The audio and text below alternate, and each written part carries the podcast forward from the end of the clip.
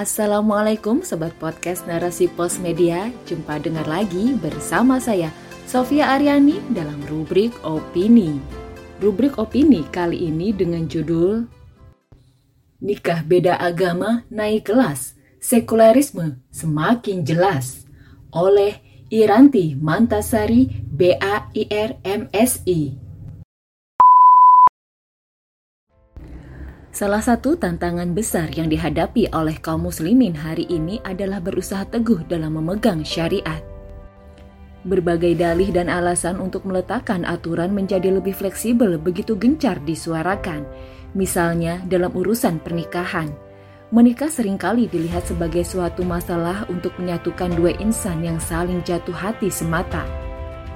Padahal bagi umat Islam, urusan pernikahan sama sekali tidak bisa dipisahkan dari syariat-syariat terkait membangun rumah tangga. Hal ini disebabkan karena menikah bukan hanya urusan cinta dunia saja, tapi menikah juga adalah urusan yang kelak akan dimintai pertanggungjawaban di akhirat.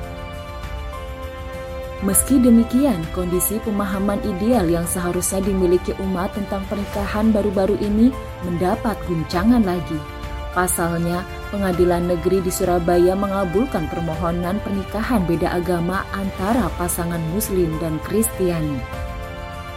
Alasan yang diungkap oleh Humas Pengadilan Negeri Surabaya tersebut adalah untuk menghindari aktivitas kumpul kebo yang bisa saja terjadi jika dua orang yang mencintai tapi tidak terikat pernikahan. Sindo 20 Juni 2022 Pengabulan permohonan ini juga dilakukan karena menurut pihak pengadilan belum ada regulasi yang melarang pasangan yang berbeda agama atau keyakinan untuk menikah. Fakta ini memang mencuat di Surabaya, namun realitas pernikahan beda agama pasti sudah banyak terjadi di daerah lain, hanya tidak terangkat ke media saja.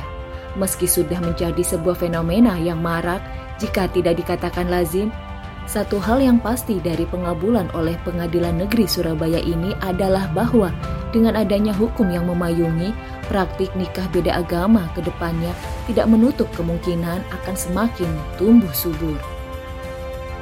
Pro dan kontra nikah beda agama. Di mana ada regulasi baru, di situ ada pro dan kontra. Ini merupakan sebuah sunatullah Apatah lagi jika regulasi tersebut dekat dengan hajat umat Islam, pasti suara-suara kritis akan selalu mengudara. Para dai banyak yang angkat suara kontra terkait kejadian ini. Pun pihak-pihak lain tidak sedikit yang malah menyuarakan sikap setuju. Misalnya, Koran Tempo sebagai media yang cukup masyhur di Indonesia, pandangannya tentu sangat bisa mempengaruhi pembacanya. Dalam unggahannya di Instagram, Ed Koran Tempo Digital menunjukkan persetujuannya atas pernikahan beda agama. Koran Tempo berargumen bahwa perbedaan agama tak boleh menjadi halangan untuk melangsungkan pernikahan merupakan hal yang sejalan dengan konstitusi di Indonesia. Dikatakan juga bahwa pernikahan merupakan urusan perdata, bukan urusan yang seharusnya diatur oleh agama. Berbeda dengan MUI dan jajaran ustadz lainnya yang menyuarakan ketidaksetujuan, dilansir dari Sindo News 23 Juni 2022, alasan yang menyebabkan pengadilan negeri mengabulkan permohonan tersebut masih bersifat prasangka. Menurut MUI Jawa Timur, hal itu bisa terjadi dan bisa saja tidak terjadi. Namun satu hal yang pasti jika pernikahan beda agama itu berlangsung adalah bahwa itu melanggar ajaran agama, khususnya Islam. Dari kontroversi ini terlihat jelas bahwa kalangan sekuler pasti amat riang mendapat kabar ini. Tapi dari pihak Islam, hal ini bisa menjadi sebuah masalah baru yang semakin mereduksi ajaran agama. Yang menjadikan kejadian ini menarik adalah karena adanya tarik ulur antara satu regulasi dengan regulasi lainnya dalam memandang pernikahan beda agama. Menurut Impres nomor 1 tahun 1991 tentang kompilasi hukum Islam, pernikahan tidak bisa dilangsungkan bila pihak wanita tidak beragama Islam.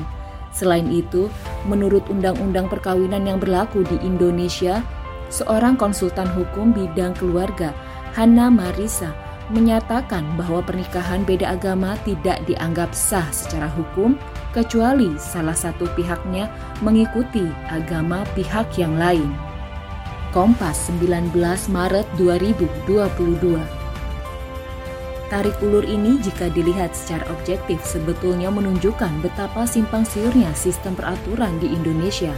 Akal manusia yang relatif dan lemah memang akhirnya sangat berpotensi melahirkan produk pemikiran berupa tata aturan yang simpang siur dan kontradiktif satu sama lain.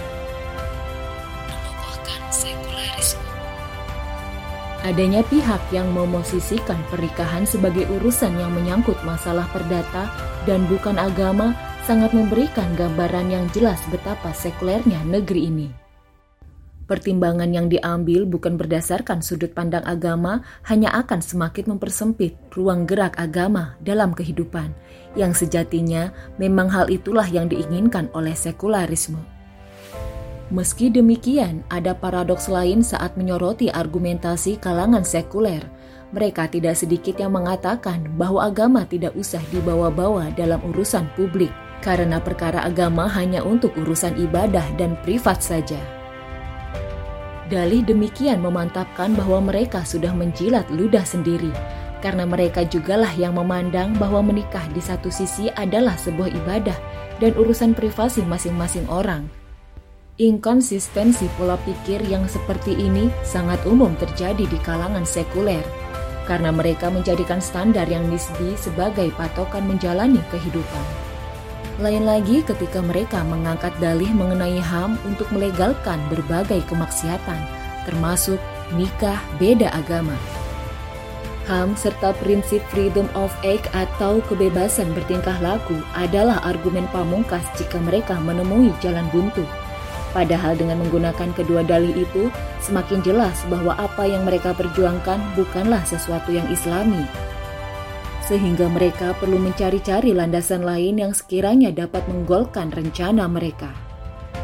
Baik HAM dan prinsip kebebasan bertingkah laku, keduanya sama-sama anak dari sekularisme yang lahir dari rahim peradaban barat.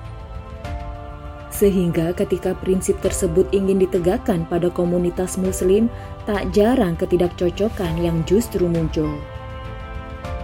Sekularisme yang berusaha mereduksi peran agama dalam kehidupan juga sangat sejalan dengan agenda yang dicanangkan secara nasional, bahkan internasional, yakni moderasi beragama. Dengan moderasi beragama, umat Islam diminta untuk toleran terhadap hal-hal yang bersifat prinsip, termasuk urusan akidah. Menikah beda agama pun tidak menjadi masalah bagi mereka yang mengusung agenda moderasi beragama ini karena justru ikatan pernikahan antara dua insan yang berbeda keyakinan seakan menjadi kesuksesan dari agenda tersebut. Maka dari sini, sudah sangat gamblang betapa isu pernikahan beda agama ini bukan semata-mata masalah hak asasi atau sekedar masalah menunaikan perasaan cinta dari dua manusia. Tapi lebih dari itu, Isu nikah beda agama ternyata mengandung pesan tersirat mengenai pengokohan sekularisme dan penguatan moderasi beragama yang keduanya sangat tidak relevan dengan nilai-nilai Islam. Umat Islam ambil sikap. Pernikahan di dalam Islam bukan semata-mata untuk memenuhi rasa cinta semata dan melestarikan keturunan. Nikah memang manifestasi utama dari dorongan naluriah itu, tapi pemenuhan naluri pun tetap harus dibimbing oleh aturan-aturan terkait agar tidak hanya menghadirkan kebahagiaan di dunia, tapi langgeng hingga di akhirat kelak. Jika seorang muslim hendak melangsungkan pernikahan, maka sudah selayaknya syariat seputar pernikahan sangat diperhatikan. Memang terdapat beberapa pandangan mengenai hukum menikahnya seorang muslim dengan non-muslim. Ada yang berpendapat keharaman menikah beda agama itu mutlak, ada juga yang berpandangan bahwa keharaman itu hanya pada pasangan wanita muslim yang menikahi laki-laki non-muslim. Sementara laki-laki muslim yang menikahi non-muslim yang menjaga diri khususnya ahlu kitab tidaklah haram. Meski untuk pendapat yang kedua ada ketentuan lain yang mengikuti seperti misalnya, sang suami muslim tidak akan terpengaruh oleh agama istrinya, serta kewamah atau kepemimpinan suami bisa membawa sang istri dalam menjemput hidayah Islam kelak atau tidak membiarkan dalam agamanya. Di antara dalil yang membolehkan laki-laki muslim menikahi wanita ahlu kitab adalah ayat kelima surat Al-Ma'idah yang artinya dan dihalalkan mengawini wanita yang menjaga kehormatan di antara wanita-wanita yang beriman dan wanita-wanita yang menjaga kehormatan di antara orang-orang yang diberi Alkitab sebelum kamu. Bila kamu telah membayar mas kawin mereka dengan maksud menikahinya. Dalam tafsir Al-Muyasar dijelaskan bahwasanya terdapat kebolehan bagi laki-laki mukmin untuk menikahi wanita-wanita yang menjaga kehormatan dari kalangan beriman atau Yahudi dan Nasrani jika memang mas kawin telah diberikan kepada mereka dengan niat bukan untuk berzina dan menjadikan mereka simpanan-simpanan. Hanya saja, yang menjadi masalah dari hukum nikah beda agama dalam kultur sekuler hari ini adalah rambu-rambu tersebut tidaklah dianggap penting. Karena mereka yang menikah beda agama pun banyak yang justru terjadi antara wanita muslim dengan laki-laki kafir.